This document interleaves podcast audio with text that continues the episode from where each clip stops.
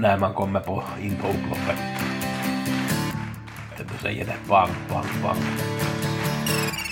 Vi hämtar stora, stora slantar. Bang, bang, bang, bang, bang, bang.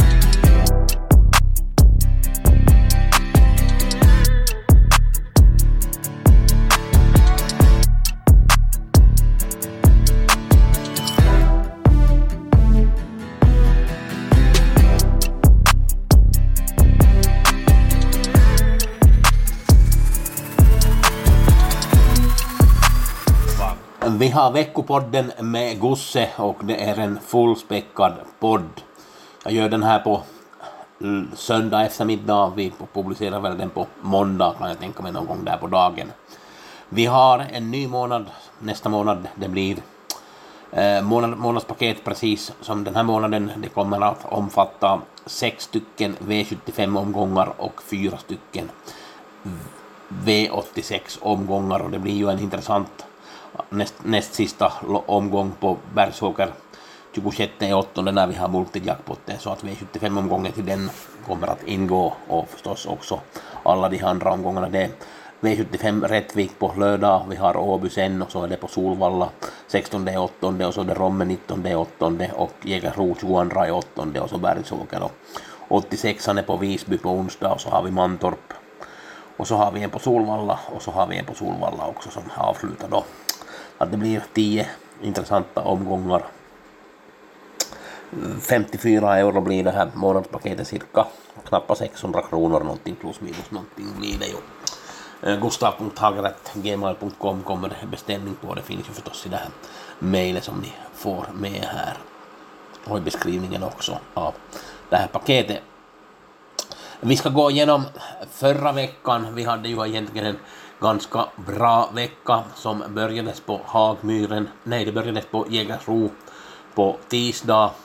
Det var ju synd, Nova Mahiron hade jag som spik i första, den levererade inte någonting, annars så skulle vi nog ha fått en, en fin tjuva, den gav ju 500 000 kronor. Collier TT vann första loppet och den hade jag rankat sexa där så att jag hade nog den ganska lågt slu, slutgiltiga procenten på den landade väl på 12. Jag hade som uppskattning på den hade jag eh, 5 så att det var jag lite fel ute. Nu var Mahiro fick ingen spets och sen var den dagen förstört för hästen.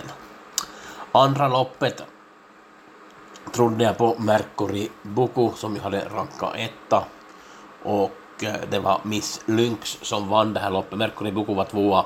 Miss Lynx hade jag väldigt tidigt, den hade jag Eh, femma i ranken. Jag hade 4 procent som uppskattning på den och, och den steg ju sen till 0,6 procent så att det var nog en bra idé. Den var ju en, en ganska stor skräll. Värdet steg ju till 6200 på när den vann. I tredje hade jag Micken Boko hade rankat etta och i fjärde hade jag Ester Degli Rey hade jag också rankat etta båda två men jag hade ingen av dem som, som, som spikförslag. Jag bommade ju på bästa spiken som jag hade i första loppet. Men att de här var ranka etta och så vann Carlo Forte Font, vann femte. Den hade jag rankad. Och femma var den och så vann ju Hail Mary som jag hade trea där. Hierobuku var trea i mål, den var helt okej okay, men det blev lite tuff inledning och man kan ju inte annat säga än att Hail Mary var väldigt bra. I sista hade jag ettan Kentsu V, men den var inte så bra. Jag hade två ranka istället, Milmighty, och den var ju en, en bra vinnare. Milmightys procent steg ju väldigt mycket där sen på, på slutet och, och det steg från 92 000 till 506 så att jag hade ju Milmighty rankad som sagt tvåa så det var ju en bra idé. Då tar vi V86 på Skellefteå. Första loppet vann Devil Stang. Äh, den hade jag rankat tvåa var spets och slut hämta ut. Och så i andra hade jag dunderskrällen Sundby Rymling hade jag rankat etta. Jag skrev att jag trodde att det var bästa hästen i loppet men att det var många galopper bakom sig. Och, och om den, får, den fick ett lite knepigt spår men att den får ryggen på Mika Fors och Noetyr, vilket precis blev som jag hade förutspått. Nu steg ju den här procenten på den här hästen till 1,53 men det var nog i alla fall en jättebra vinnare som gav över 16 60 gånger på, på vinnarspelet där så att jag hoppas att det var någon som tog betalt och åtta rätt gav ju över knappt 2 miljoner på, på på onsdag så den gav ju bra. Eh, tredje loppet vanns av 8 Always Face, den hade jag ganska lågt, men det var ju bra info som kom i ATG Live om man lyssnar på den, att Petter Lundberg var optimistisk. Jag hade, den låg det lite minus åt mig. Sen i fjärde bästa spiken, BV Sture.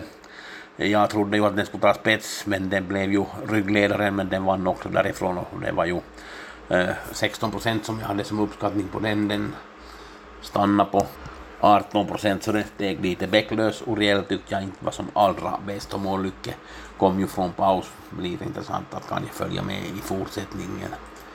Eh, sen har vi femte loppet. Eh, där såg jag ju lite favoriten. Lindy Musclemania som jag hade rankad som tvåa och min fjärde rankade Global Dash vann där loppet och jag hade fyra B-hästar så det var ganska bra. Och Lindy Musclemania var tvåa i mål och jag misstänker nog att de kommer att gå ut i eh, Solvalla på i septemberfinalen sen när de kommer att kvala in dit. Espritsi så hade jag etta, det var ändå svårt att hitta. Eh, uh, Olle Håleryd hade jag rankat sexa, den var ju jättebra. Och i sista så trodde jag ju på MM Hot One men det blev fast med krafter kvar. Min fjärde rankade No Limit Express vann det loppet. Då har vi Hagmyren första loppet så var det ju Mika Fors som vann med pole position. Den hade jag fjärde rankad. Blauer Max var trea i mål som jag hade rankat etta. Det var en, en bra idé och, och, och, och eh, uh, tappa lite i starten. Skulle fått en bättre start så kanske den kunde ha ut, men med pole position var en bra vinnare. Invisible Sun galopperade ju bort sig, det var många som galopperade i det här loppet. Andra loppet vann Laredo Boko, den hade jag ju tvåa. Jag hade ju Ella Boko etta. Ella Boko kom bra på upploppet sen, men det var någonting som hände när det sista kurvan som gjorde att den inte riktigt, om det inte var riktigt körbar eller vad det var som hände. Deeply Express hade jag rankat etta och den vann ju. Eh, fjärde loppet hade jag spik på Delenid, den var trea i mål. Pave Socken hade ganska lågt. 3 procent som uppskattning på den, det blev slutgiltigt 3 4 procent på den också. Berg körde ju åt den här hästen, men Delenid tycker jag borde ha vunnit det här loppet så att den får nog lite minus måste jag säga. Eh, Rob de Bank hade jag etta och den var ju en bra etta, den vann ju det här loppet. Eh, sen vann ju Isabel Cash, den hade jag trea, det var Borups Valmo, ja, att den var som all, allra bäst och det är klart att Isabel Cash var bara bäst i det här loppet och, och hur bra var inte Zoidi AMG som jag hade två. Aitos Kronos var trea i mål, den gjorde det helt okej. Eller var det tvåa i mål, trea var det kanske i mål. Gjorde det helt okej i alla fall. Vi har äh, Solänget i morgon. Jag har en, tror jag, klaring i Monteloppet. Eh, det är tredje loppet, det är Narsario Susanne Klemola rider hästen och, och de är väldigt optimistiska från stallet. Hästen är i kanonform och de åker nog till Sverige för att ta hem första priset. Så att jag tror att man kan banka in den här spiken från samma stall. Alla Rantala stall har vi i sista loppet nummer 12, Claude P. Hill. Det kan ju vara att det blir ganska svårt att slå Room Off, men man vet ju inte hur pass viktigt lopp det här är för Room Off. Men att om ni garderar på eller spelar någon plats Eh, tvilling komb så ska Claude P. Hill vara till 3 procent en ganska trevlig skräll. 86 har vi på Visby. Uh, Missel Hill som var tvåa efter San Motör på Årjäng kommer att gå ut där och den ska ju ganska, ha en ganska bra chans i det här loppet. Jag ser ju sen hur det blir det här slutgiltiga. Och det var intressant på Visby med tre stycken 15 hästars lopp så att det blir ju en bra omgång. Och så har vi ju Rättvik jackpotten på lördag och där har vi i silverdivisionen kommer Amalensius BB att gå ut. Den har ju inte tävlat någonting nu på en tid. Det står ganska bra inne i, i silverdivisionen ännu En Labuku var väl emot där och Donizetti och eh, äh, Racing Brodde och Versace Face. Så, så att det blir nog en intressant, in, ett intressant lopp Och, på, på Rättvik på lördag. Det här var allt som jag hade att bjuda på. Kom ihåg gustaf.hagen.gmail.com om ni vill ha månadspaketet som omfattar 6 stycken V75 och 4 stycken V86.